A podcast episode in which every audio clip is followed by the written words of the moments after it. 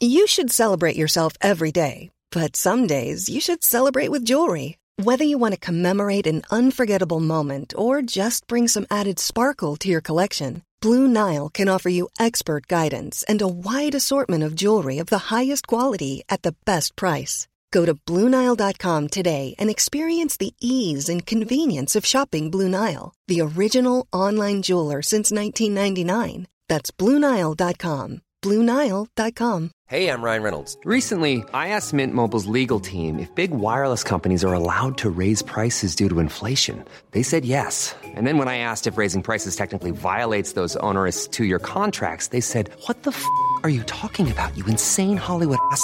F- So to recap, we're cutting the price of Mint Unlimited from $30 a month to just $15 a month. Give it a try at mintmobile.com slash switch. $45 upfront for three months plus taxes and fees. Promo rate for new customers for limited time. Unlimited more than 40 gigabytes per month. Slows. Full terms at mintmobile.com. Tusvik og Tønne-podkasten får hard kritikk for sine beskrivelser av Ari Behn. Tusvik og Tønne er en podkast uten redaktør, som gjør at de ikke trenger å følge de vanlige journalistreglene i Vær varsom-plakaten. Betyr det at de kan gjøre og si hva som helst i podkasten sin? Finnes det ingen regler? Det lurer jeg på denne uken.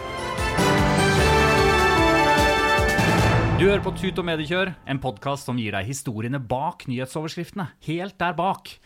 Og eh, ideen med dette er jo selvfølgelig at du skal skjønne litt mer hvordan nyhetene lages. Jeg heter Christian Lydmar Slander. Velkommen selvfølgelig, Eva Sandum. Hei, hei. Og Svein Tore Bergestuen. Riktig god morgen. God morgen. God morgen. Ja, men illusjon, radioillusjon. Ja. Altså, vi, det er jo ikke morgen for oss, men det kan jo være det for eh, folk. Ja, men det kan, Kan også være kveld. på kvelden også. Altså, for det er jo det hele, den store, fine ideen med podkast. Du kan høre på det når du vil. Jo, jo, men har dere sett på tallene våre? Det er helt utvilsomt at folk, de aller fleste som hører, hører på morgen. Ja.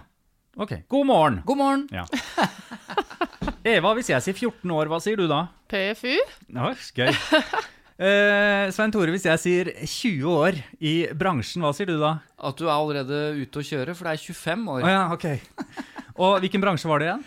Eh, Vi kaller den utvidede mediebransjen, som inneholder både journalistikk og kommunikasjon. Ja. Eh, og grunnen eh, til at vi tre er samlet i Tut og Mediekjør, er jo selvfølgelig Eva, du har jo full kål på presseetikken. Svein Tore, du har full kål på eh, journalisthåndverket. Ja, eller full koll, tror jeg jeg, ingen har. jeg ventet egentlig ikke at du skulle svare, Du, det var bare en slags Du har ikke full kål på utstyret, for du sitter med den mikrofonen i fanget. Hva er det som har skjedd med deg i dag? Nå må du huske på at radiobilder er litt sterkere enn vanlig, så når jeg sitter med utstyret i fanget mitt, så uh, sliter du litt, grann, Eva. Men uh, okay, jeg tror vi bare går rett videre til. Hæ? Ja, nei, det får stå for din uh, regning. Jeg har, eh, for å, for å ta lytterne med på dette, altså jeg, bare, jeg har et nytt stativ til min mikrofon som er litt lengre enn det bør. Derfor så Ja, ok, alt er feil nå. Så da bare går vi rett videre til det vi skal snakke om. Eva, du har bedt om ordet for tre uker siden at du har en refleksjon eh, i dag. For tre uker siden, ja. Ja. Så kan ikke du ta den nå? Det har vært mye debatt om ting denne uka her. Mm. Spesielt om damer og feminisme og sånn. Og vi skal jo snakke om Og sånn, eh, ikke og minst.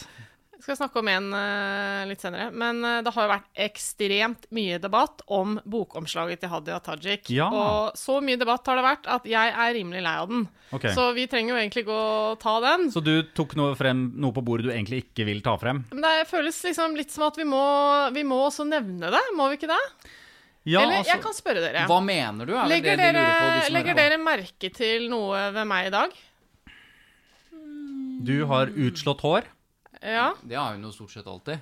Ja, det er sant. Du har Ja, du har deg jo på deg en kjole. En Ja, blomstrete en kjole. Men Nei, for det er jo altså, kjole, for den går jo ned Ja, ja, ja, knærne. den er, Poenget mitt den er at jeg har med vilje kledd meg litt sånn Jeg har en sånn chiffongaktig blusekjole, men den er såpass gjennomsiktig at dere Ja. kan antyde Jeg kan antyde BH-en din under der. Mm. blondete under BH, ja. Eller det er ikke egentlig BH, det er en sånn slags singlet, da. Men Ja. OK. Og mitt spørsmål er Klarer dere nå å ta meg seriøst? Eh, Nei. Når du sier det Det Jo, altså, jeg, jeg, jeg gjør det, Eva. Altså, Jeg- for å være helt ærlig Bortsett fra at nå sitter du bare ja, og jeg, ser. jeg, jeg la merke til det. Kan du flytte, flytte mikrofonen din ned, så det For å være helt ærlig, jeg la faktisk ikke merke det til hva du hadde på deg, før du sa det. Nei, ikke sant? Fordi at eh, du ser meg ikke. Ja, ikke sant? Dette kan gå feil uansett hvor vi nå går. Men jeg liker inngangen her. Og sånn er det egentlig litt med damer. det kan gå feil uansett hva man sier. Ja. Og det føler faktisk jeg òg som er dame, at det, det er så mye kjerringer som er ute og kritiserer kjerringer. Kvinner er kvinner verst, som det heter. Ja. Men altså, ja. Ja, nå gikk det jo litt utover meg og Svein Tore og som menn. Altså, vi, vi kom dårlig ut av det uansett. Enten så vi deg ikke, eller så så vi på Foreløpig så puppene syns jeg ikke dere har kommet så dårlig ut av noe som helst. Ja. Nei, så fint. Tusen takk. Men eh, nei, i hvert fall Men- så er det jo dette at hun har hatt et bilde på omslaget av boka si, da, som sikkert absolutt alle som hører på, har fått med seg. Uh, ja. Hadia Tajik kom ut med bok eh, denne uken. Den heter 'Frihet'. En politisk og personlig historie. Eh, Men det er altså ikke innholdet av boken som har fått mest oppmerksomhet, det er omslagsbildet. Eh, Du kan jo beskrive bildet, Svein Tore. Eh, nei, jeg har ikke noe å tilføye, egentlig. Hun saken. eh, sitter på en betongtrapp, eh, veldig likt eh, et eh, også ganske kjent bilde av hun Alexandra Hva er det hun heter? Ortez? Hun amerikanske politikeren? Ja, jeg holdt på å si Cortez, ja, men det er vel Cortez. kanskje Ortez. Ja, nei, nå var det litt flaut å ikke huske det navnet, da. Mm. Men eh, det er i hvert fall et tro kopi av hvordan hun sitter og poserer i et bilde fra USA. Og så har hun på seg en eh, skinnende grønn drakt og høye hæler og ser litt sånn powerwoman ut. Og bildet er jo tatt eh, litt sånn Hun sitter i en sånn litt sånn eh, mannlig maktpositur, og, og det er et bilde Ja. på en bok. ja. Nå er du oppgitt. Eh, og liksom, ja. Hva mener du om at det har blitt så mye fest Nei, altså rundt det er bare sånn at liksom Eva? eh, Mitt inntrykk av mediene da, er liksom sånn OK, den boka den orker vi ikke å debattere, men det er veldig gøy å debattere det bildet. Men hvis jeg har, øh, hvis jeg har Ja. forstått dette riktig, Orker ikke Eva å sette oss inn i den boka. Det er veldig mye å lese. Hvis jeg har forstått dette rett, så er det altså en fakultetsdirektør i Stavanger som starter eh, debatten. Det vil si, det har sikkert vært meninger om dette tidligere, men det er hun som skriver at dette i sum ikke er bra. Ja, og veldig sånn eh, Og da gammeldags holdning, da, kan Ja. man vel si at det representerte. Ikke sant? Og da tenker media det er en fakultetsdirektør, en akademiker, som skriver, tar seg bryet, setter seg ned, skriver en kronikk. Da starter jo på en måte medietrøkket rundt det. Ja. Og da eh, merker man jo at dette deles også voldsomt i sosiale medier. Så det er jo en relevant sak. Ja da. Det er det. Oh, ja. Jeg er bare veldig lei av den. Den er relevant fordi at det selvfølgelig visuell kommunikasjon er også kommunikasjon. Så ethvert valg av bilde som du velger å representere deg selv ved, sender jo noen signaler. Akkurat som det jeg har på meg i dag, sender signaler. Altså, du har en klesstil, Svein Tore. Hvis, Jeg man hadde tatt- hvis man hadde tatt de klærne på Christian en dag, så hadde jeg kommet inn her så hadde jeg sagt jøss, skal du i begravelse i dag, eller? Er det sånn du oppfatter meg? Nei, nå ble det litt feil, men liksom, du kan gå i en veldig f.eks. Uh, flott dress en dag, da, uten at eh, folk liksom reflekterer så veldig over det, når du har lyst til å se ut som en sånn viktig konsulent. Mens du gjør ikke det, Christian. Nei, nei, folk nei. har jo, sender jo ulike signaler, og så er det masse kritikk om at ja, men hun representerer Arbeiderpartiet, da kan hun ikke, da burde hun gå i flanellskjorte, burde hun ikke det, eller skal hun gå i kjeledress? Men jeg blir litt sånn Det er da bare et bilde på en bok. Jeg synes du, burde, du som hører på, bare ta et lite nå, Google og se på det bildet av Hadia Tajik, og så ser du overskriften på boken. Det er jo frihet. Jeg syns det er litt eh, gøy å høre. Tenk så mye debatt hun får for det bildet, eh, med hvor overskriften er frihet. Hvor mye frihet har hun til å kunne ta bilde av seg selv på hvilken måte hun vil? Det føles jo ikke ut som hun har det, like, det rommet er så svært. Nei, og så kan jeg jo da tillate meg å si, eller tolke, da, uten å mene noe om bildet, siden jeg har eh, Jeg holder jo litt eh, kjeft her, fordi jeg har jo jobbet for Hadia Tajik. Mhm. Eh, Nå er det ganske mange år siden. Men eh, det som jeg syns er interessant, eh, ikke ved bildet, men ved overskriften, det er ordet nettopp som du snakker om, Christian, frihet. Fordi frihetsbegrepet er jo et begrep som er svært sentralt i den sosialdemokratiske historien. Det å skape frihet for alle, fri til å kunne gjøre det du, det du vil. Det er et begrep som høyresiden eh, ganske vellykket har lagt beslag på de siste eh, mange tiårene. Altså frihet knyttet til individuell frihet, ikke sant, som høyresiden har. Jeg ser på overskriften til boka til Hadia Tajik, og for så vidt innholdet, som et forsøk på å eh, ta frihetsbegrepet tilbake fra høyresiden og plassere det inn i den sosialdemokratiske plattformen. da. Og, det, og hvis vi får til det, så tror jeg hun har fått til noe. For den kjoledebatten, eller ikke kjole, drakt, bildedebatten, den vil jo stilne. Forhåpentligvis vil jo innholdet leve videre. Som kommunikasjonsrådgiver eh, så er jo dette et veldig bra eh, PR-kampanje for denne boka. Selv om du kanskje ikke helt har fått med deg boka ennå. Så jeg har i hvert fall møtt veldig mange som nå lurer på om de har lyst til å kikke litt i denne boka. Ja. Nei, men det Så har jeg. gratulerer Hadia Tajik og forlaget. Nok om det. Nok om det. Svein Tore, har du noe du har eh, s- sett eller lagt merke til i uken som har gått? Ja. Nei vel. Da går vi til hovedsaken. Nei da. Nei, det er hovedsaken. Ja, er det det? Ja. Ja. Så vi kan egentlig bare starte der. Ja, men kan vi ikke gjøre det? Uh, og da skal det handle om eh, Tusvik og Tønne-podkasten. Som er da Sigrid Bonde Tusvik og Lisa Tønne. Og eh, jeg skal nå bare introdusere dette her, så skal jeg si noe. Og så skal vi Oi, sette i gang. Har du forberedt en tale? Ja, jeg har det. Ja, OK. Få høre. Nei, altså Det vi nå skal snakke om, er jo at er Tusvik og Tønne-podkasten. For hver uke så hører jo ca. 100 000 lyttere på denne podkasten. Det Jeg har er hørt Sigrid mye mer, jeg. Ja, men det er nedlastinger og aktive lyttere. Det blir jo ta, brukt tall som 150 til 200 og sånn. Er det ikke så store som I hvert fall en av Norges største Hvis du ser på. Podtoppen nå siste gang, da, for eksempel, så, så ligger det jo der. Så gjennomsnittet så tenker jeg rundt 100 000 er greit å si, da. Ja, en av Norges største podkaster Ja. er vel alle enige om. Ja. De har siden 2015 laget da denne ukentlige podkastserien, hvor de snakker om privatlivet sitt, veldig personlig, og så omtaler de aktuelle personer og hendelser. Og det har det blitt bråk av, og nå har det blitt det igjen. Tusvik og Tønne snakket om bokutgivelsen til Vidar Kvalshaug, eh, som hadde skrevet bok om Ari Behn. Og så begynte de da etter hvert å snakke om Ari Behn, og en ganske lang prat om han, og da ble det bråk. Vi kan høre en liten snutt fra den episoden her. Vi har snakket om at eh, Ben hadde ikke så veldig mye bra sider. Altså, vi har jo snakket om hvor douche han var, og han gangbanga folk i, på Cappelen Dam julebord. Altså, i alle dager. Det er jo, og det kan jo ikke Vidar Kvalshaug skrive om. Han er sikkert gangbanga i det andre bøttekoppet. så da må man være ærlig. Og det er det som gosser meg. Når, når du ikke klarer å kunne være ærlig, da bør du heller holde kjeft, mener jeg. Når du ikke kan si rett ut ja, han var litt uh, laus og slaus og var slitsom og ubrukelig. Og det må man kunne si, og det sitter jo så langt inne. Dette fikk mange til å reagere, og i den siste episoden av podkastserien så beklaget Tusvik og Tønne disse uttalelsene. Det store spørsmålet her er jo selvfølgelig er det sånn at Tusvik og Tønne-podkasten, fordi de ikke er underlagt Vær varsom-plakaten, kan si og mene absolutt hva som helst i podkasten sin? Hvilke regler gjelder for den podkasten og alle andre podkaster der ute? Det er jo det vi skal diskutere nå. Og før vi begynner eh, å snakke om denne saken, så må jeg bare si at jeg er inhabil jeg, i eh, denne praten. Du er inhabil, du. Jeg er inhabil, jeg. Fordi Fordi jeg kjenner Sigrid godt. eh, og vi jobber sammen også med et eh, prosjekt akkurat nå. Så det er eh, vanskelig, syns jeg, da, å sitte her. Hva gjør vi med det da, Eva? Nei, hva gjør vi med det, egentlig?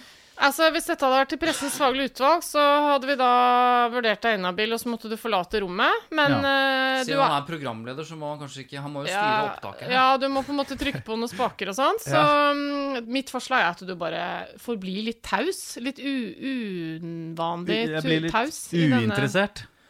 Ja, Men okay. da får du nesten starte, da, Eva. Du kan godt stille noen sånne kontrollspørsmål som er helt objektive, hvis du føler for det. Ja. Eller så skal nok vi klare oss, vi, Svein Tore. Absolutt. Det skal bli deilig, det, å slippe Christian en Ja, egentlig. Da har jeg allerede noe jeg vil si! Eh, Å, dette skal bli deilig, Svein Tore. Nå har vi bare én ting. Nå må vi vise hvor gode vi kan være til å ikke avbryte hverandre. Ok. Men eh, kan vi ikke bare ta podkast, da? Altså, um, det er ingen regler, sier Christian. Det kan virke, han er veldig opptatt av regler. Christian. Veldig, han, han spør ofte Er det ingen regler, sier han. Ja. Og så pleier han å si er det, er det greit? Er det dette greit? Er det virkelig Altså, greit? jeg sitter her fortsatt, altså. Bare så du er helt klar over det. Men vi har jo eh, noen eh, liksom eh, Altså, podkast er jo relativt nytt. eh, og det er en blanding eh, i podkasten. Noen er redaktørstyrte. Altså de, eh, flere av de største som er forklart og oppdatert og sånn, er jo tilhører jo Eller lages jo av mediehusene. Og de lager podkast på helt vanlig presseetisk grunnlag. Altså fordi de har redaktører og forfølger, eller følger Vær varsom-plakaten. Og, det, og dette er jo en lignende utfordring som det er i andre medier, egentlig. At du har de redigerte mediene, avishusene, som har sine redigerte flater, men de fins også i de sosiale mediene, hvor det fins annet som er helt uredigert og ikke redaktørstyrt. Eh, Så, så det blir jo Det er liksom vanskelig for folk, tror jeg, å, å ha et bevisst forhold til hva som er hva. hva heter disse gutta som har en VG-podkast, f.eks.? Harm og Hegseth, er det det de heter? Harm og Hegseth. Ja. Eh, det er jo på en måte en podkast som eh, Jeg har ikke hørt noe særlig på den, jeg, men den ligner jo litt på sånn Tussig og Tønne-konseptaktig. Det, Ja, det er to karer som har morsomme det gøy. folk som prater om ting som skjer i verden. Eh, men det er jo en redaktørstyrt podkast som ligger under VG-huset. Eh, så det er ikke så lett for folk å dra et raskt resonnement at dette er en ikke-redaktørstyrt podkast, mens dette er det og sånn. Så dette er jo et virvar for folk. Mm. Her kan du stille spørsmål, for nå er vi foreløpig på en slags kan- overbygning her, Christian. Ja. Kan jeg bare bryte inn da Ja. med et spørsmål? Fordi da vil jeg gjerne, kan, kan dere bare forklare litt grann, hva er det, hva slags uh, regler finnes og for hvilke medier og ikke? Kan, vi, kan jeg få en oversikt over det? Nei, altså du har jo det som er redaktørstyrt. Og det er enkelt. Det finnes en redaktør, eh, og de må forholde seg til både redaktørplakaten og Vær varsom-plakaten. Og det gjelder jo alle, alle aviser, nettaviser osv. Og så har du eh, bøker. Det har vært stor diskusjon fordi det er en del bøker som går under liksom, sakprosa. Det er alt som måte ikke er fiksjon. Det kan være dokumentarbøker, biografier osv. Ja, Det, det som eh, ofte blir kalt virkelighetslitteratur, er jo under en litt sånn problematisk eh, Ja, jeg tenkte jeg skulle komme til det, fordi Ja. at eh, sakprosa er da eh, ikke fiksjon. Altså dokumentarbøker og biografier osv. Og, eh, og i dokumentarbøker og biografier så kommer det jo Dette handler jo om virkelige mennesker og virkelige ting. De har ikke noe Vær varsom-plakat. Det fins ikke noe etisk regelverk for bøker, og det har vært store diskusjoner fordi journalister kan gå fra jobben sin i Aftenposten om å forholde seg til helt tydelige etiske regler. Så kan de skrive om den samme saken som de har skrevet om i, i Aftenposten, i bokform. Og dermed så har de ikke lenger noen regler å forholde seg til. Og dermed så har det vært påstander om at en del bøker går altfor langt. De har ikke samtidig imøtegåelse, naturligvis. Eh, Eller ikke naturligvis, for de kan ha det i boka, men dere skjønner. De trenger ikke å forholde seg til det, da. Så bokbransjen øh, har ikke noe regelverk. Og virkelighetslitteraturen, som det blir kalt, er jo bland, denne blandingen mellom fiksjon og virkelighet. Altså romaner Karl Ove Knausgård er kanskje den mest kjente, hvor han skriver om sitt eget liv. I romanform, men åpenbart eh, virkelige personer. Kjempediskusjon. Hva slags regelverk skal de forholde seg til? Og så har du Vigdis Hjorth, 'Arv og miljø'-boka, som Samme. var veldig omdiskutert fordi det var en roman, men eh, hele verden skjønte at eh, den var ganske selvbiografisk. Og så kom ikke den andre siden av historien til orde før søsteren bestemte seg for å skrive en bok som ble et slags motsvar. Ja, ja. Eh, men jeg skal også si at den boka vi akkurat diskuterte, ikke sant? en sånn type biografibok, politisk bok som Hadia Tajik gir ut, da. det er en sakprosabok. Der er det ikke noen regler. Kommer denne oversikten snart frem til podkast, som Ja, faktisk dette og så er det det tredje universet, da, hvis man kaller det det. Det har, har med det som jo har mest oppmerksomhet for tiden, tenker jeg. Det er podkaster, blogger, alt som drives av, skal vi kalle det privatpersoner, da, som har eh, benytter sine plattformer, enten det er ja, blogger, Instagram, blogg, eh, podkaster osv. Der er det jo, med unntak av de som faktisk gis ut av VG eller Aftenposten eller hva det er, der finnes det jo ikke noe, eh, noe Vær varsom-plakat. Det har kommet noen regelverk de må forholde seg til, typ markedsføringsregler og Ja, De er veldig fokusert rundt uh, tydelige regler på markedsføring. men ikke merking, så hva mye som andre er eh, regler. annonser osv. Men når det gjelder innhold, altså det som skrives eh, Altså ikke blandingen mellom annonser og, og, og vanlig innhold, men det som sies eller skrives om personer. Der er det jo egentlig bare jussen som setter grensene. Altså injurielovgivning og Hvis, Ærekrenkelser, ikke sant. Det er, ikke lov, det er enkelte ting som ikke er lov, Ja. som hvem som helst kan gå til rettssak mot noen, eller øh, altså anmelde noen for. Og da har du ytringsfriheten som det ene, liksom, i den ene enden, og så har du da den, det som begrenser ytringsfriheten, som kan være rasismeparagrafen.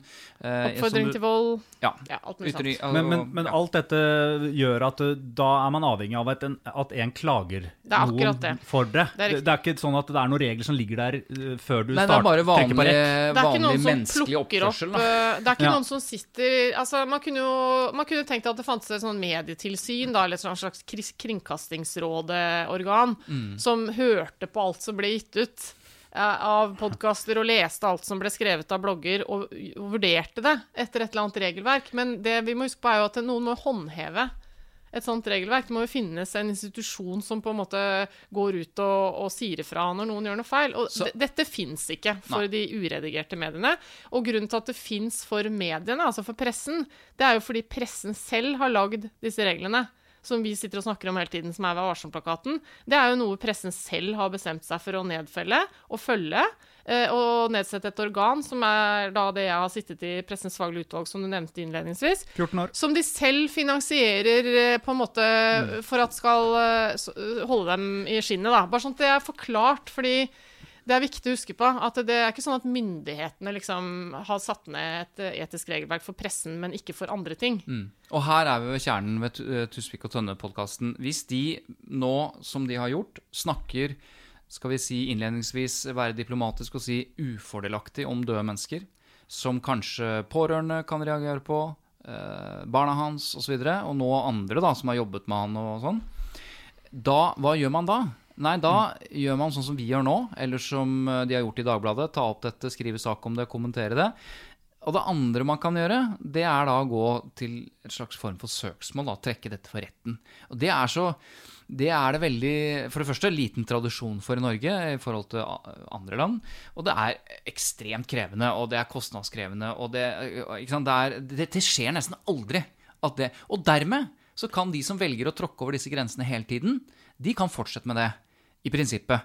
Til de får uh, så mye motstand eh, i den offentlige debatten, eller hva det måtte være, at de bare kjenner at dette er vel kanskje ikke greit å drive med. Så det er selvjustis, da. Men personlig selvjustis i så fall. Men uh, la oss ta det håper å si, en slags rekkefølge fra denne uka, da. For at uh, Erland Bakke, som da er manager for en del kulturprofiler, han skrev jo da en kronikk i Dagbladet uh, denne uka. Hvor han eh, rett og slett hadde fått litt nok av, av hvordan uh, Tusvik og Tønne holder på i sin podkast. Så jeg ringte han og spurte hvorfor han uh, velger å gå ut med denne kronikken nå. La oss høre hva han sier. Jeg har aldri vært noen tilhenger av å bruke mobbing som forsøk på humor. Jeg syns Sigrid kan være fornøyelig. Jeg syns både hun og Lisa har gjort veldig mye bra standup eh, tidligere. Men når de henger ut enkeltmennesker som ikke, som ikke kan forsvare seg, så mener jeg at det blir, eh, det blir feil. Eh, Generelt det å komme med masse påstander som ikke er riktige, og drive utsatt bruk av nedsettende kommentarer, eh, kunne de eh, med hell ha unngått i sin podkast, eh, etter min mening. Eh, jeg syns at begge to har, driver en utsatt bruk av nedsettende kommentarer, og jeg syns at når de da henger ut alt fra kongehuset til barn som de mener er for tykke, og mener at man må heller kjøpe, begynne å kjøpe nye klær til, til barn fra kongefamilien, eh, så klarer jeg ikke å se at noen syns at det er så veldig gøy. Eh, og det mener jeg er direkte mobbing av, av enkeltpersoner. Um, og når Tusvik og Tønne selv da har gjort dette til en millionbedrift altså Mange henger ut influensere, og det har de gjort mange ganger òg. At det er bedrifter og det er industrier. Så må vi på en måte ha muligheten til å se på de også. Eh, De også har blitt en millionbutikk eh, og drar inn mange millioner kroner til seg selv. Eh, Og det gjør de ved å henge ut andre. Eh, Og det syns jeg blir veldig, veldig feil. Jeg, det med Ari Behn syns jeg, liksom det synes jeg bare er, eh, er toppen av isfjellet. Jeg synes at det, eh, det, det man går over Én ting er å henge ut privatpersoner, både kjente og ukjente, men når de henger ut personer som har tatt livet sitt og kommer med grove karakteristikker, men også grove påstander om hva de mener at den, den personen har gjort, uh, uten at den personen kan måtte rettegå det, så syns jeg måte, at det det blir ikke noe verre enn det. Du, ikke, du, du mobber noen som ikke bare ligger nede, men ligger under jorda. Uh, og det syns jeg blir eh, Ja, det, jeg synes det burde de, det burde de bare, ikke gjøre. Og det blir, det blir som et fullstendig karakterdrap på en person som, som aldri vil kunne si seg imot det. Og heller ikke familien kan gå imot det. Spesielt ikke kongefamilien. Det var Erland Bakke som var eh, manager, eller er manager for mange skal vi si, humorister, kulturpersonligheter, kjendiser i Norge. Som jo har, eh, og det skal sies, da, som har fått gjennomgått eh, til de grader i podkasten til Tusvik og Tønne. Han selv inkludert. Så, um, så det er jo en slags eh, man, Skal vi si en slags Ikke krig, men det er jo en pågående konflikt uh, mellom konflikt disse. mellom disse, som begge parter uh, sier at det er den andre som har en konflikt med meg, uh, og jeg har ikke en konflikt. Så det er en veldig rar konflikt. Men um, dette her er jo eh, ikke så rart at han reagerer på. Det er ikke så rart at andre reagerer på det. For det de sier om Ari Behn, altså det at de velger å si at Ari Behn ikke hadde noe særlig gode sider, At de snakker om han, om hva han skal ha gjort og ikke skal ha gjort eh, rent seksuelt på diverse fester. Eh, og de snakker om at liket er vel eh, halvvarmt eller begynner å bli kaldt. Så det, en slags motivasjon for å kunne Eller forklaring på hvorfor de begynner å snakke om han. Altså disse tingene, hvis du, hvis du tenker at barna hans hører på det, det er jo helt over styr. Ikke sant? Det er, det er det, det- jeg mener at det ikke går an. Jeg mener at det er, at det er uverdig, og det er ikke morsomt, og de må slutte med det. Og det skjønte de for så vidt. Det vil si, eh, hvis du hører på den episoden etterpå, eh, så er det én som beklager. Hun heter Lisa Tønne. Jeg vil jo absolutt eh, legge meg flat i forhold til at vi dro strikken altfor langt. Uh, det er jo dessverre noe som uh, skjer iblant i denne gruppa her. Og her var det et par ting. Noe av det eh, tenker jeg var helt innafor, mens det var et par kommentarer og et par eh, karakteristikker der som var helt ubrukelig, om jeg må få bruke det ordet, og som var Altså, det var ikke morsomt engang, så det var bare helt forbanna unødvendig at vi gjorde det. Og det, jeg legger meg helt flat, og jeg er også kjempelei meg for at dette her har såret mennesker som allerede står i sorg. Det er jeg oppriktig lei meg for, og jeg har pla vært plaget med det eh, hele helgen, og etter vi egentlig spilte inn den episoden og den kom på lufta, så tenkte jeg at eh, fader nå, det var unødvendig. Jeg oppfatter den beklagelsen som helt eh, liksom, helt klokkeren. Jeg tror på henne. Eh, hun slenger riktignok på en kritikk av Dagbladet i ettertid, men hun understreker at hun er veldig lei seg, at de gikk langt over streken. At hun hadde følt på det rett etter opptak. At hun sånn. hadde fått vondt i magen. Og jeg syns at den beklagelsen, det er sånn som vi eh, liksom skal akseptere. Og tenke at ja, så hun kjente det samme som de andre som hørte på dette. Problemet eh, med beklagelsen er jo ikke hennes, men det er jo Sigrid Monden Tusvik som jo ikke beklager. Eh, sånn som jeg oppfatter det. Ja, vi var sleivete om Ari Ben og dumma oss ut, og jeg sa han var ubrukelig, som er et ord jeg bruker veldig mye. Jeg bruker det om folk jeg, folk jeg liker, jeg bruker det om deg, Lisa, jeg liker deg, jeg bruker det om Martin, som jeg elsker overalt på jord. Så det vil jeg bare ha sagt, at det eh, eh, verbalt ikke skal være så stygt som eh, når det står på trykk. Og helt til sist så vil jeg bare si, for å legge denne ballen bak meg før du skal få lov til å si ditt, Lisa, Mm. jeg vil si at jeg ble skikkelig lei meg. Jeg ble skikkelig lei meg for familien Ben You should celebrate yourself every day, but some days you should celebrate with jewelry. Whether you want to commemorate an unforgettable moment or just bring some added sparkle to your collection, Blue Nile can offer you expert guidance and a wide assortment of jewelry of the highest quality at the best price. Go to BlueNile.com today and experience the ease and convenience of shopping Blue Nile, the original online jeweler since 1999. That's BlueNile.com. BlueNile.com. Hey there, it's Michelle Norris. I'm host of a podcast called Your Mama's Kitchen. When I travel, I'm usually looking for a way to find a taste of home when I'm not at home. And one of the things I love to do when I am at home is entertain. And Airbnb allows me to do that. When I was in California recently, I rented a house that had a great kitchen. And when we were sitting around the table, we were all thinking, we're in someone else's house. Someone could be in all of our homes as well. If you have a home, but you're not always at home, you have an Airbnb. Your home might be worth more than you think. Find out how much at airbnb.com/slash host. måtte bli ringt opp, og av en fyr som ble andregradskrenka, andregradskrenka, og ikke klarer å avslutte en langvarig konflikt han har med oss, som vi ikke har med han. Beklager da, overfor Ari Behns etterlatte, at de måtte utsettes for dette leserinnlegget og mine og våre ubrukelige ordvalg i vår podkast. Hun beklager at eh, Dagbladet har valgt å ta dette ut av måte, kontekst og, og podkasten og løfte det over i offentligheten på et vis og lage sak om dette. Og hun er lei seg for at familien til Ben eh, opple må oppleve dette. Og med dette mener hun da Dagbladet, som da til og med ringer og hører hva de mener. Altså, Logikken her er at problemet ligger ikke hos, øh, i podkasten, den ligger når mediene velger å omtale dette. Og det er vel, to veldig forskjellige beklagelser, for å si det veldig forsiktig. Ja, altså Sigrid og Lisa er jo to veldig frittalende komikere. Og et sted må vi få lov å tømme oss. Og det er blitt til Tusvik og Tønnes podkast, sier de selv at er deres motto. Mm. Eh, og, og det, er, liksom, det er noe rart med den logikken at eh, vi har bare dette private rommet, vi, hvor vi liksom skal få lov å si og gjøre akkurat som vi vil. Og så er det liksom helt irrelevant, eh, virker det som, for de to, hvor mange det er som hører på. Altså, det virker ikke som de forstår at de har veldig mye makt gjennom å nå frem til så mange mennesker med det de sier.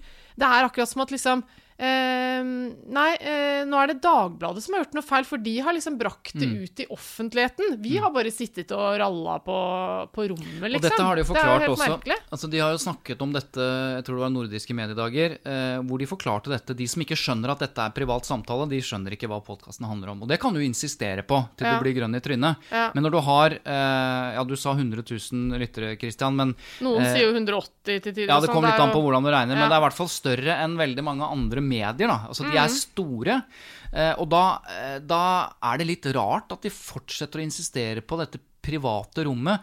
Eh, og de bruker også argumentasjonen knyttet til at en podkast må du jo aktivt ønske å lytte på. Ikke sant? Du, lytte, du, du er ikke noen som kommer i trynet ditt. Du vet at, La oss si du vet at de sitter og raller og snakker dritt om folk. da.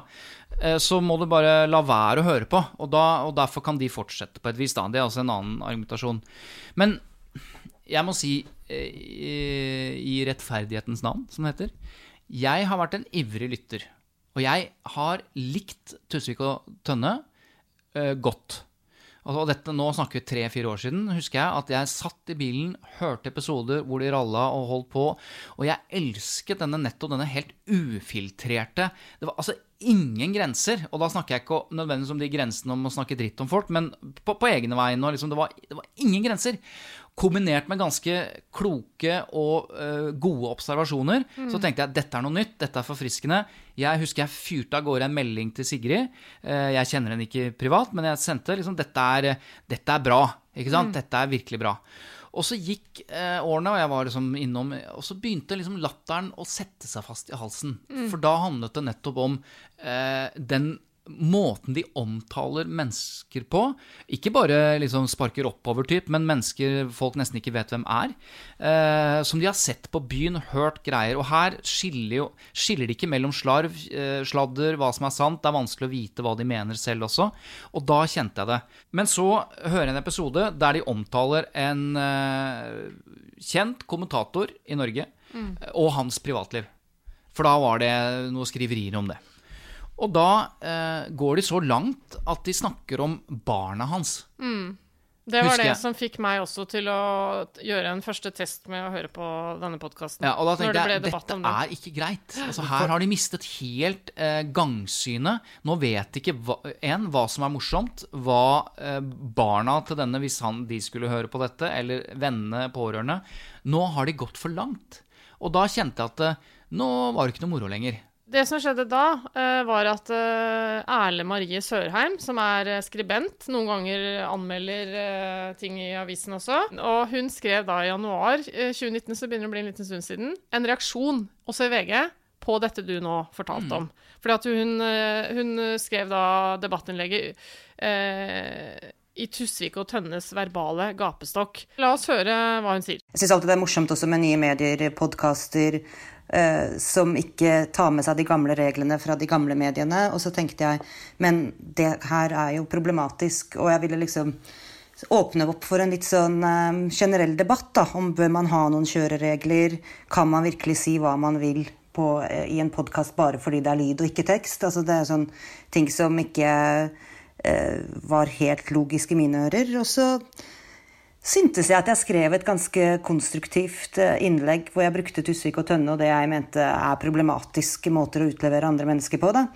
Eh, Og om at det var greit. Og så var jeg såpass eh, Hadde såpass stor tro på den åpne debatt at jeg tenkte at nå stiller vel kanskje en av de til Dagsnytt 18 da, og så blir det liksom å snakke om det her, men eh, jeg hadde ikke helt fått med meg hvor, eh, hvor kompromissløse de er på å ikke snakke med andre, da. Eh, og så, så da jeg våkna til den ja, nei, altså Min kronikk kom vel liksom en morgen, og da så jeg liksom allerede på Facebook at jeg var tagga i sånne 'Vi er under angrep' og eh, 'Pungfolk, eh, ta og send eh, meldinger til denne dama om hvor kule vi er'. Og det var liksom Åh, er det mulig? Så, så, da fikk jeg jo liksom sånn innboks med masse sånn meldingsforespørsler på Twitter og Facebook og liksom bare sånn bla. Og det syns jeg var utrolig u... Lite konstruktivt, for å si det sånn. Og så skjønte jeg jo at dette kommer jo ikke til å bli noe samtale. Dette kommer til å bli en tirade i neste podkast mot meg. Eh, og det var en ganske sånn ubehagelig følelse. Og jeg fikk liksom flere, det var flere venninner som sa 'ikke hør på, vi hører på for deg'. Og, og, eh, og de blei skikkelig sure og sa 'nei, ikke hør på'. Og slutta å høre på podkasten selv. Så, så, det var veldig sånn ubehagelig, syns jeg, å, å, bli på en måte tatt på den måten der. Da. Særlig av to som måtte For det første burde vite bedre med alt de får av ting, og for det andre som liksom det som jeg reagerer på også, litt sånn at de skal være så feministiske, og så bruker de på en måte alle de skitneste triksene i boka på, på å duppe noen som er under dem på hierarkiet, da, og som ikke på en måte har de samme kanalene og samme 100 000 lyttere. Det som jeg reagerer litt ekstra på når på måte, Sigrid Bonde Tysvik særlig er jo den som er den mest sånn eh, hardtslående her, hele tiden blir liksom framsnakket som sånn en så viktig feministisk stemme. Da blir jeg sånn hva, hva, er det hun sier som er så veldig Altså, jeg har opplevd å bli tatt eh, og virkelig bli duppa på en sånn måte jeg opplever som ekstremt antifeministisk. da. Eh, veldig lite søsterlig måte å behandle en eh, motdebattant på. Feminisme er å ta andre kvinnelige stemmer på alvor og, og gå i debatt og prøve å være konstruktiv istedenfor å faktisk eh, være såpass nidrig. Denne reaksjonen på kritikk fra andre kvinner, f.eks., som Erle Marie Sørheim snakker om nå, den om måten å gjøre det på, det er jeg helt enig i. Det er eh, jeg vet ikke om vi kan kalle det dypt antifeministisk, men det er et paradoks at kvinner som har så ofte mange stengsler knyttet til i hvert fall eh, diskusjon rundt feminisme og makt og menn, da, så møter de mye motstand. Eh, og at de møter motstand eh, fra selverklærte feminister som duperer de på den måten ved å bruke sine tilhengere, eh, ja, det er et paradoks. Mm. Litt ufint. Ok, men altså Det er jo den gode, gamle regelen med at man skal sparke oppover. Man kan også sparke til siden, og man kan sikkert gjøre mye rart. Men eh, å kaste folk til ulvene på den måten uten å ha noe De aner ikke hvem som hører på podkasten deres. De kan ikke vite at 150 000 mennesker eh, bare vil være høflige og hyggelige eh, og framsnakke Tusvik og Tønne. Og de aner ikke hvordan syke jeg har. Og det var ganske eh, sjokkerende sterkt press den uka, liksom. Og det eh, syns jeg Man må ha litt eh, ytringsansvar da, for å bruke sånt kjedelig ord som det, så, så, er det det man bør ha i en vanlig samtale. Og det bør man definitivt ha i en samtale som har 150 000 lyttere. Og for det andre så syns jeg det er uh, veldig problematisk når uh, folk ikke tar og går ut i åpent lende Eh, med å ta kritikken i åpent lende, men holder seg inne på sin egen plattform. Dette er også noe du ser mye blant influensere osv. Tusvik og Tønne går ikke ut i en fair samtale. De holder seg bare inne i sin trygge sfære, og så slår de ut der igjen, eller tar Sånn som i Ari Behn-saken, og så tok du vel en liten unnskyldning med masse forbehold inni sin egen podkast. Så alt går igjennom det, og gjennom deres filter. Og de modererer dermed både samtalen og kritikken og svaret tilbake. Så den er en uhyre moderert eh, og kunstig debattvirkelighet. da hvor vi, vi, andre stemmer ikke får slippe til. Ja, dette, er, dette, er, en annen interessant del av det. fordi Sigrid Bonde Tusvik og Lisa Tønne stiller ikke til debatt. De ønsker ikke det. Det er deres valg. Altså, det må de få lov til, å bare være i sitt univers. Men eh, da får vi ikke noen konstruktiv debatt. De vil ikke stille opp her eh, heller. Vi har eh, tatt kontakt med de og spurt om de har eh, noen kommentarer til den kritikken som kommer her, og som kommer videre i episoden, men det vil de ikke. Men at de istedenfor å stille debatt, eh, engasjerer og mobiliserer fungfolket sitt til å angripe eh, denne Erle Marie Sørheim. Og, hun, og det var overraskende for meg, jeg visste ikke dette, at hun har fått så mye dritt. Eh, Fordi at hun kommer med en legitim, konstruktiv kritikk, som du kan selvfølgelig være enig i. Men når du engasjerer eh, noen hundre tusen eh, fans, så veit du ikke hva som kommer. Jeg synes Det var, altså det er heller ikke det er, ikke spesielt bra, da, tenker jeg. Nei, det er jo Altså, I forrige episode så snakka vi om uh, det som ble omtalt som en sånn nedkjølende effekt av, uh, av andre folk som prøver å hindre fri og åpen debatt. ikke sant? Det var jo mye mer alvorlig med kar karikaturstriden og sånn. Men, men det er jo noe med at det, det er flere som også sier det i, i, når man snakker om dette her med Tusvik og Tønne, at det, ettersom de har en litt sånn mobbete, uh, utleverende form i sin podkast, hvor de veldig ofte snakker dritt eh, etterpå om de som har kritisert dem, Mm. så har jo det en slags nedkjølende effekt, det òg. For at vi tulla jo med det før vi satte oss ned her nå. Ja. At nå må vi bare være forberedt på at eh, neste episode av Tusvik og Tønne, så er det vi som er hatobjektet. Eller at de ikke hører oss, da. Men nå vet vi at uh, Vi er ikke så store, men nå vet vi at vi omtaler det, så det er jo selvfølgelig en risiko Ja, at ja, nå ønsker samme å det, men poenget mitt er bare at sant, det er veldig mange som føler uh, på dette her, da, Uh, potensielt. Fordi det er som gjørmebryting. At du blir, du blir dritskitten av det. Altså, øh, Hvis du går inn i, i en kritikk av de, så blir det en slags øh, Det går ikke an å ha den debatten på et saklig nivå hvis det er øh, Hvis du får den type skal vi si, gjengjeldelser, da. Men eh, hun, Erle Marie snakka også litt om eh, hva hun mener er feil da, med hvordan de holder på. Vi kan jo høre hva hun sa om det også. Mm.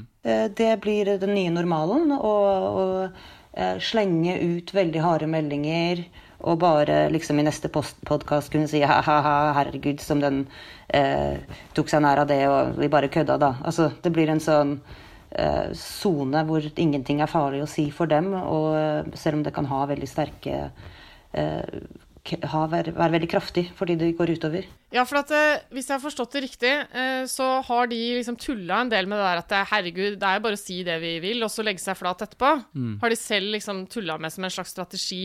Og det sa de jo også nå under denne beklagelsen sin rundt dette med Ari at ja, vi legger oss flate. Altså, Det blir litt sånn tullete, den unnskyldningen nå. Ja, jeg jeg, er helt, litt jeg er ikke helt enig. Altså, som jeg sa, unnskyldningen til, Til Lisa Lisa, Tønne, er er helt oppriktig. Ja. Den, er, den er ektefølt.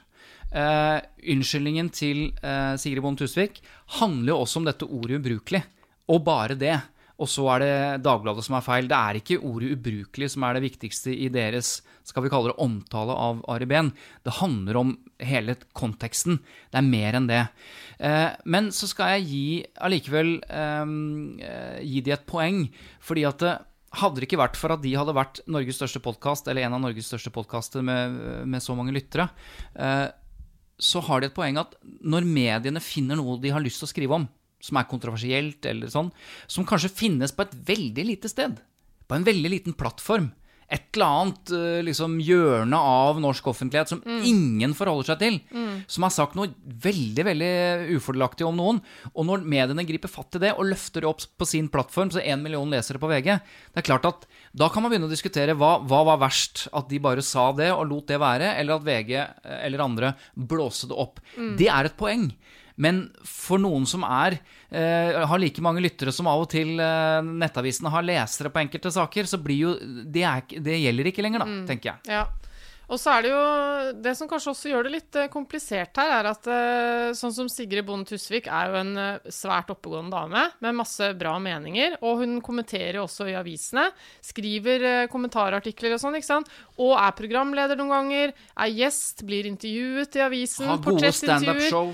Masse greier. Sånn at hun har jo en rolle som gjør at eh, hun ytrer seg eh, veldig seriøst og smart noen steder, men så er hun plutselig i et sånn, det hun selv definerer som et lite og lukket privat rom. Eh, og der skal hun liksom kunne bryte de grensene på en helt annen måte, og det blir veldig sånn forvirrende. Jeg eh, la merke til at da denne saken nå smalt i Dagbladet, så valgte for første gang en, skal vi si, en kommentator i et redaktørstyrt medium å virkelig gå i rette med podkasten. Sigrid Hvitsten, som er kulturredaktør i Dagbladet, er den første redaktøren som har satt dette på dagsordenen og skrevet en veldig kritisk eh, kommentar om denne podkasten, som heter 'Det er nok nå'. Uh, og jeg, og jeg, det kan vi tenke, det kan vi, Når vi hører intervjuet med henne, så kan vi også tenke på hvorfor har ikke dette skjedd før? For det er en ganske lavthengende frukt. Det er en ganske Mm. åpenbart Ja, tema, det vi nå tar opp. Hva er grensene for de nye mediene, f.eks.? Men uh, jeg ringte til eh, Sigrid Hvitsten uh, og spurte henne eh, aller først hva er, hva er det hun mener er så gærent med denne podkasten. Tusvik og Tønne har en slags regel for podkasten at de skal være åpne om alt som er privat og tabu. Så de utleverer stadig pinlige detaljer om seg selv, og dette er noe som lytterne kan oppleve som befriende og viktig, spesielt når det er snakk om kvinnehelse og sånne problemstillinger man ikke snakker om i offentligheten ellers. Men problemet oppstår når de også påberoper seg retten til å lufte andres skittentøysvask. Når deres eget behov for åpenhet inkluderer å spre sladder og udokumenterte påstander om andre mennesker, fortrinnsvis eh, norske kjendiser. For Tusvik og Tønne er det tilsynelatende ikke så farlig om det de sier er sant eller ikke. Det er ikke så farlig om det er privat informasjon eller ikke, så lenge det er gøy for dem eh, å snakke om i podkasten. Eh, for de sier det selv, de baksnakker folk. Prosjektet deres er at folk ikke har rett til et privatliv. Og da har man jo en situasjon der privat informasjon om ekte mennesker, eller ren sladder, som er sant eller ikke, om ekte mennesker blir spredt til 150 000 lyttere i Norge. Og det uten at personen som omtales, får forsvare seg eller komme med si, korrigerende opplysninger. Da. Eh, Og hvis de finner på å forsvare seg eh, i en avis eller på annet vis, så får de passet sitt påskrevet i neste pod. Så si sånn, de som omtales, de er helt sjan sjanseløse da, i møte med Tusvik og Tønne. Men de mener jo problemet først oppstår når dette tas ut av deres rom, deres univers, og ut i, i det de kaller offentligheten, f.eks. gjennom Dagbladet. Hvorfor kjøper du ikke den eh, analysen eller den forklaringen? Altså Jeg er helt uenig i premisset i det de sier. Alt som kringkastes til flere tusen mennesker, er offentlig informasjon. Uavhengig av hvilken plattform det gjøres på. Og Tusvik og Tønne tjener skikkelig gode penger på dette her, og de er to av Norges mektigste komikere. De må kunne stå for det de har sagt.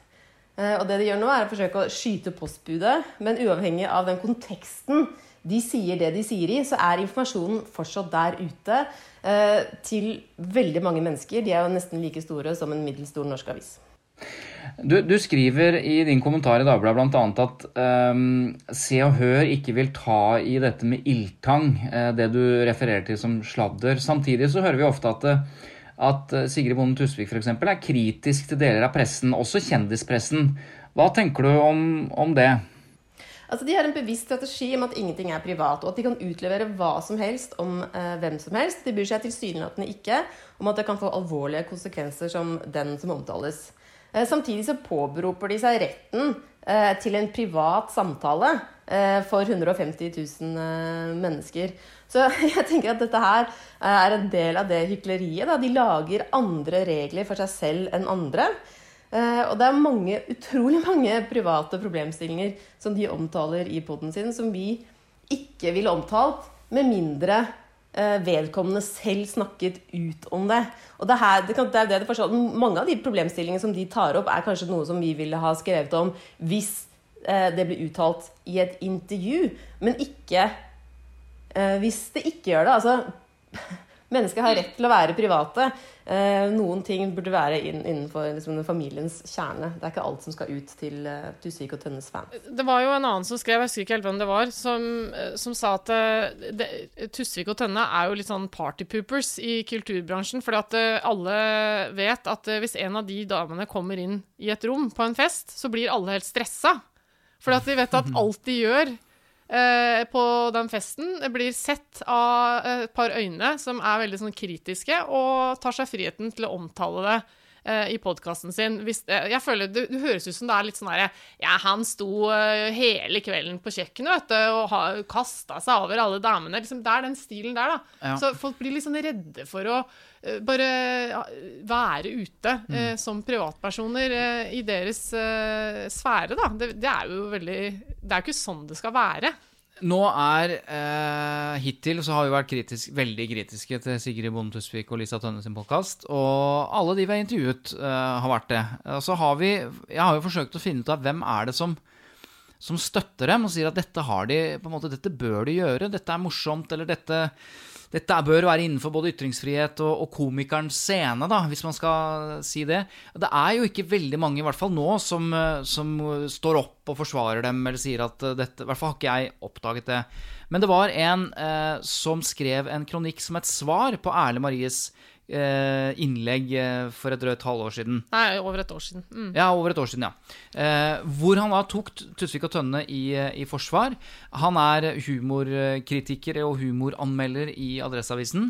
Eh, og jeg ringte til han og hørte Ok, nå har de etter sigende brutt en ny barriere, kanskje, når man begynner å omtale døde mennesker. Så jeg ville gjerne vite hva han tenkte eh, om, om podkasten nå, om han fortsatt skal vi si, forsvarer dem, da. Og dette er Anders Holstad Lilleng. Nei, altså Det jeg legger vekt på, er jo at uh, komikk og humor er jo et slags, slags uh, kunstnerisk uttrykk. Eh, og at de da i sin rolle som komikere står helt fritt til å lage vitser og vitse med det de vil utover, ja, utover deres rolle og deres oppgave og deres yrke. Nå har de havnet i bråket igjen fordi de snakker ja, ufordelaktig om en død person.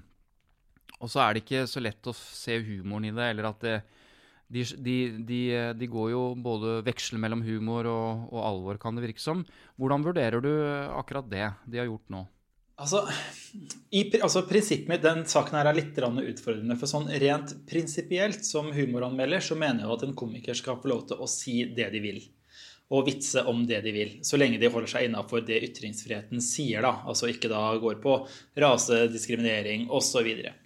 Men så er utfordringa til Tussek og Tønne nå er jo selvfølgelig at de er i podkasten sin så er de komikere, og de er da i komikerens rolle. Og så har de skapt et univers hvor de har på en måte ett ben i det private og ett ben, eller hovedsakelig i det komiske, og vitser ut ifra det. Men så er jo problemet selvfølgelig at når de ikke er morsomme, eller når det ikke er morsomt nok, når det blir for privat eller for alvorlig, så tråkker de på en måte ut i et helt annet område. Og det er utfordringa, sånn som Lisa har nå sagt, at vi var ikke morsomme nok. og Det er vel det som er utfordringa i det som skjer akkurat nå, er at de går på en måte ut av sin rolle som komikere, selv om de ser for seg at de står i rollen som komikere. Og da begynner det å bli litt problematisk. Men at de har vitsa eller kommentert eh, en død person, det ser ikke noe problematisk ut. Altså, Jeg skjønner at de, de etterlatte syns det er vondt, f.eks., men men altså at de gjør det som komikere, det ser jeg ikke noe problem i.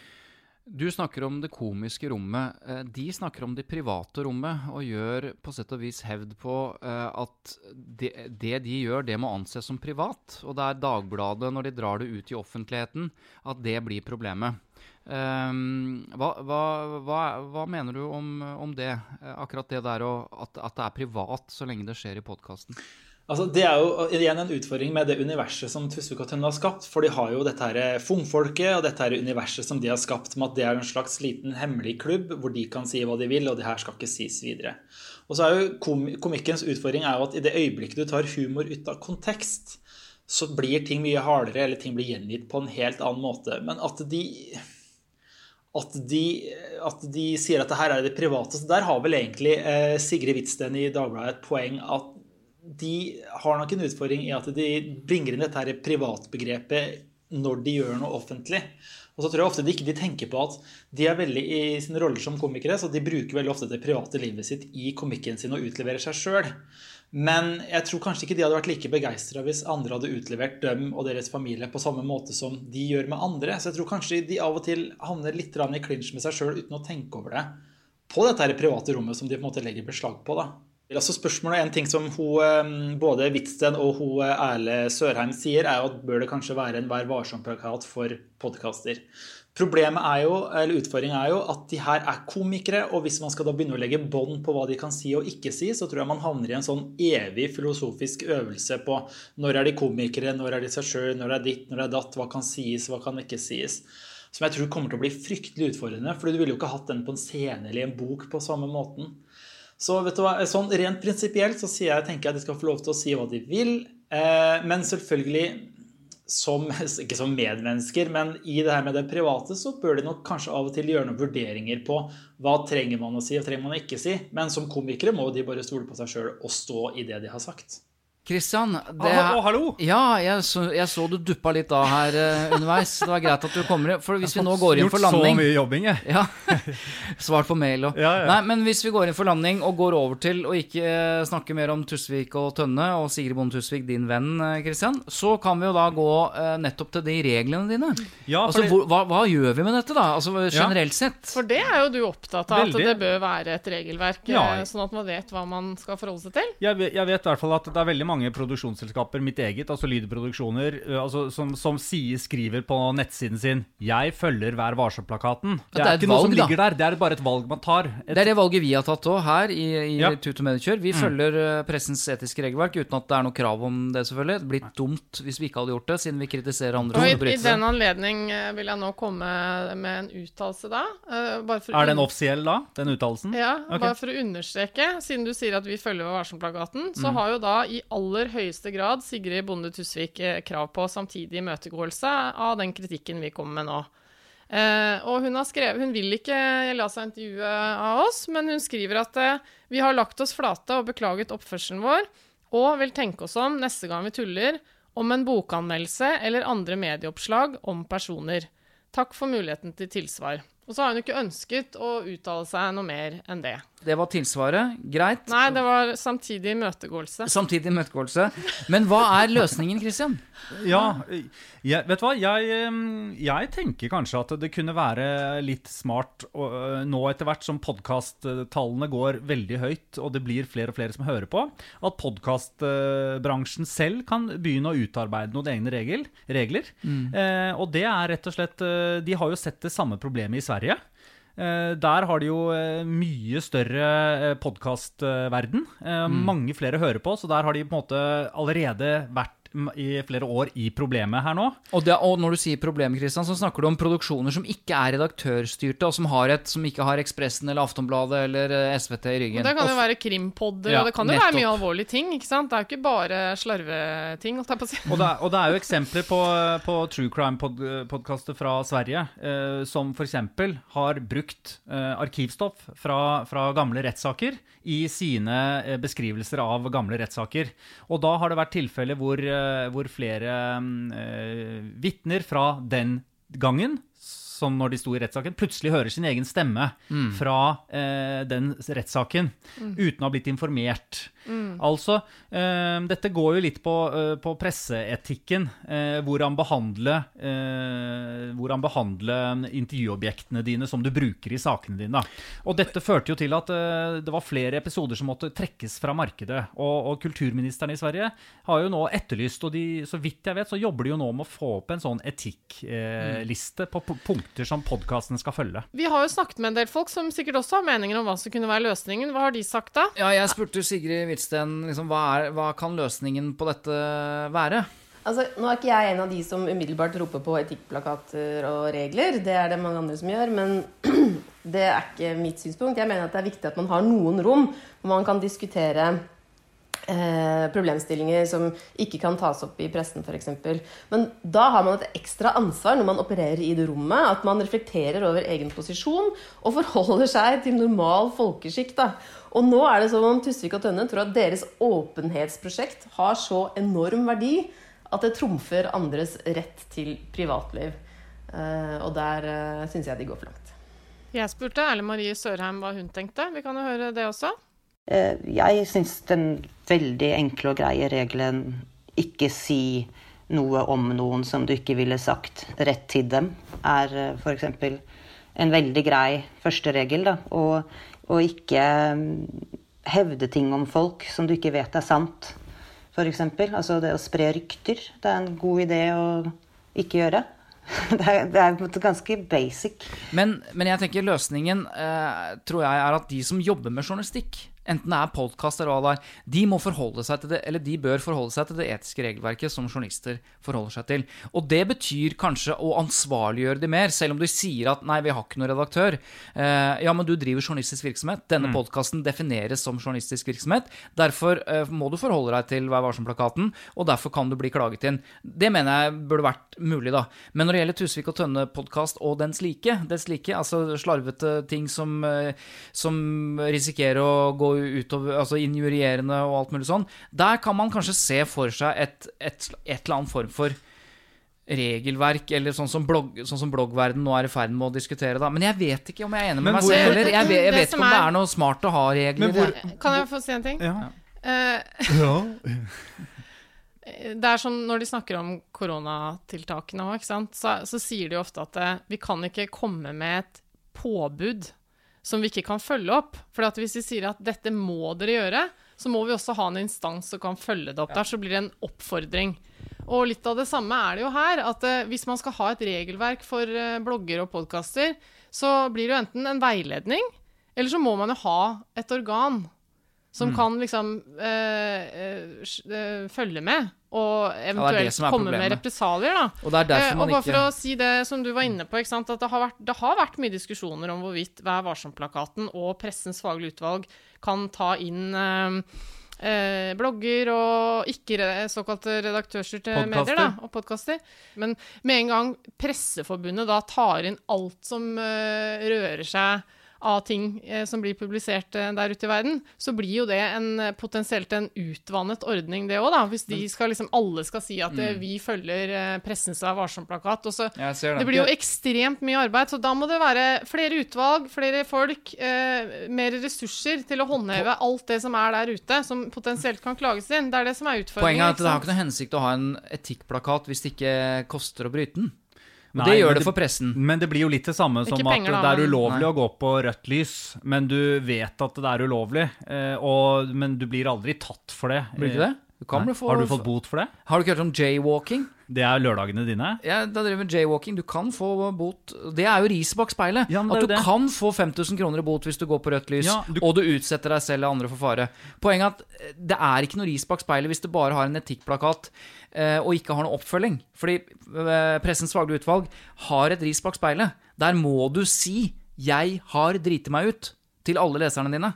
Eller altså ikke Mm. Ja, ja. akkurat det, da, men eh, Og retter opp Men det, sånn. det, det kan man jo også gjøre i en podkast. Altså, Ja, men da er da Evas poeng. Da må du ha folk som sitter i det utvalget. Hun har jo sittet i det utvalget i 14 år. Sånn at eh, eh, Og det tar på, ikke sant? Det koster. Og, og altså krefter. Du må ha noen som er villig til å sitte i et sånt utvalg. Ja, ja. Og pressen Og det- vil ikke ta ansvar for alle podkaster hvis det- ikke de ja, ikke vil finansiere det- utvalget. Det som alltid er eh, første skritt i en sånn sak, er at noen må klage. Noen må Ikke sant? klage. Sånn er det jo. PFU sitter jo ikke og overvåker mediene og bare uttaler seg. Det er jo Noen må gå til det skrittet og klage. Og sånn er det jo også i rettssaken. Eneste stedet du kan gå nå hvis du er sur på Tusvik og Tønne eller eh, Hegge... Hva heter de for noe? Harm og Hegseth. Din favorittpodkast?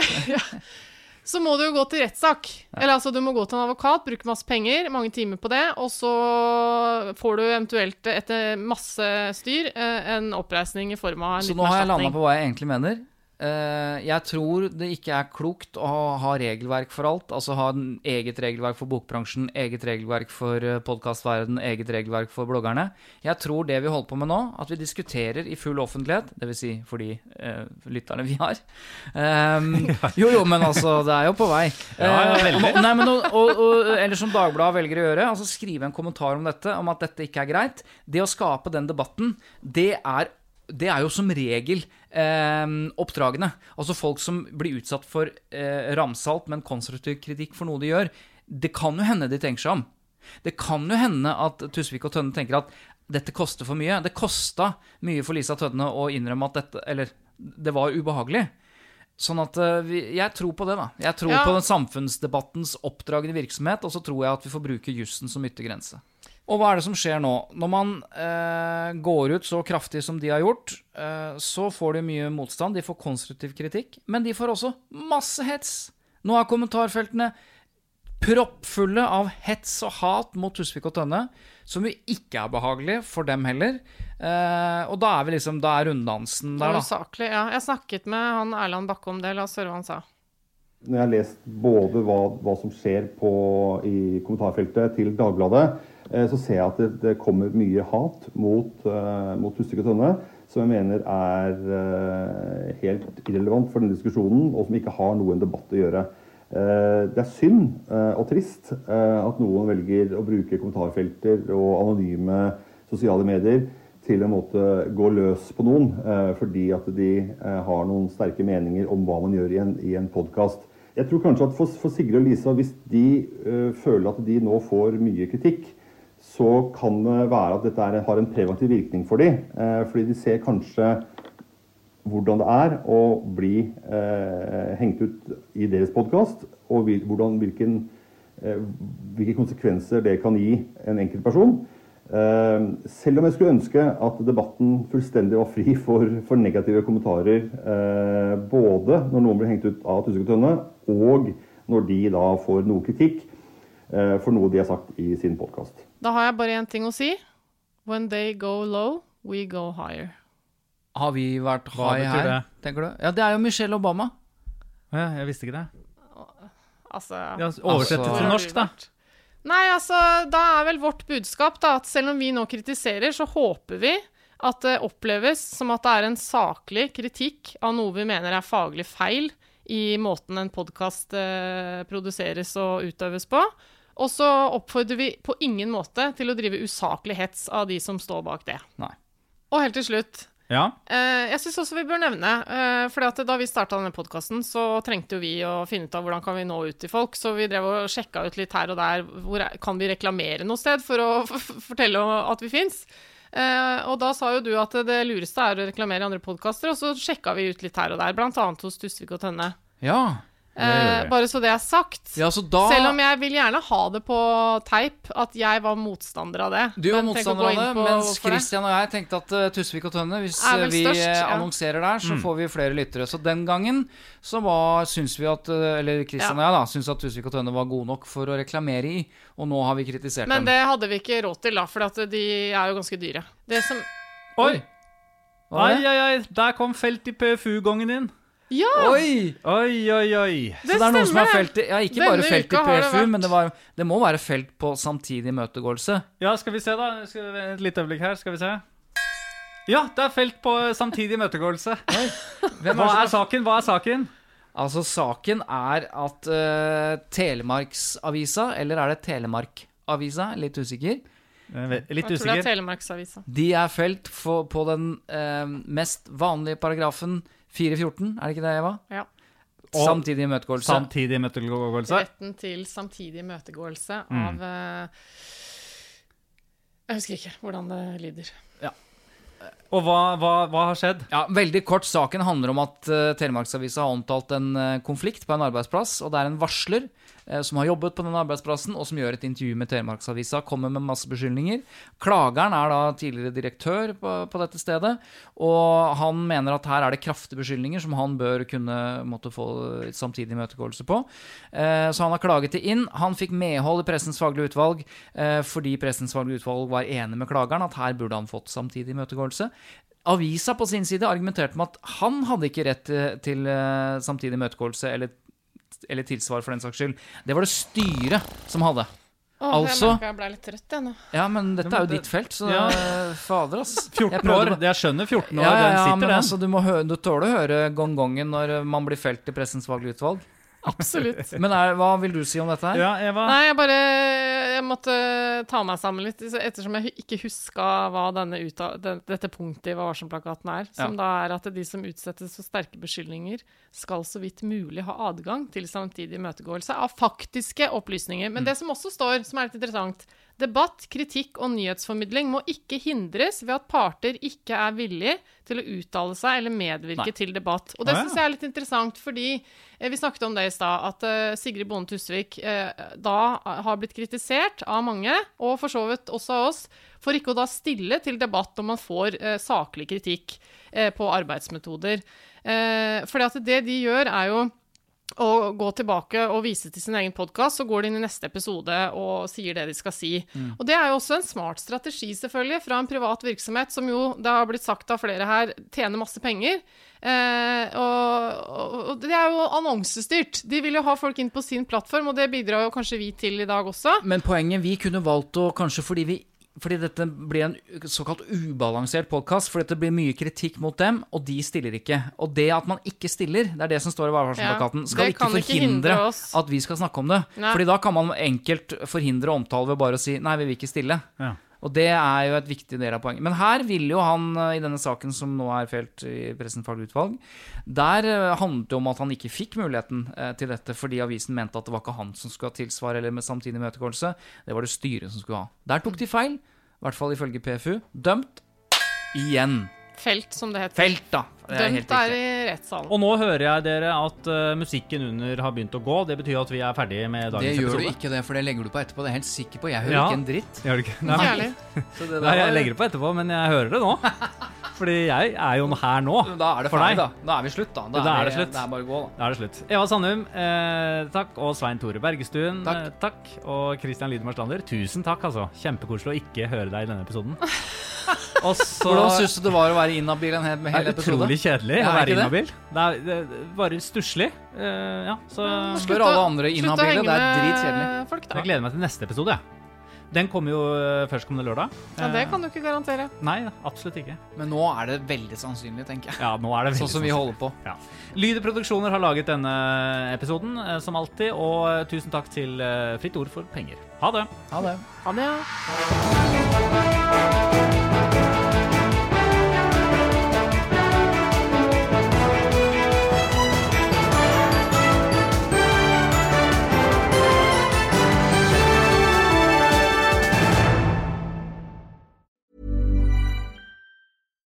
Hi, I'm Daniel, founder of Pretty Litter. Cats and cat owners deserve better than any old fashioned litter. That's why I teamed up with scientists and veterinarians to create Pretty Litter. Its innovative crystal formula has superior odor control and weighs up to 80% less than clay litter. Pretty Litter even monitors health by changing colors to help detect early signs of potential illness. It's the world's smartest kitty litter. Go to prettylitter.com and use code ACAST for 20% off your first order and a free cat toy. Terms and conditions apply. See site for details. Want truly hydrated skin? Meet Osea's Body Care Breakthrough Hyaluronic Body Serum. It's clinically proven to increase hydration by 161%. It's lightweight, fast absorbing, and delivers 24 hours of hydration for silky smooth skin without any sticky afterfeel. Treat your skin to clean, vegan skincare from Osea. Get 10% off your first order with code SUMMER at OseaMalibu.com. That's O S E A Malibu.com code SUMMER.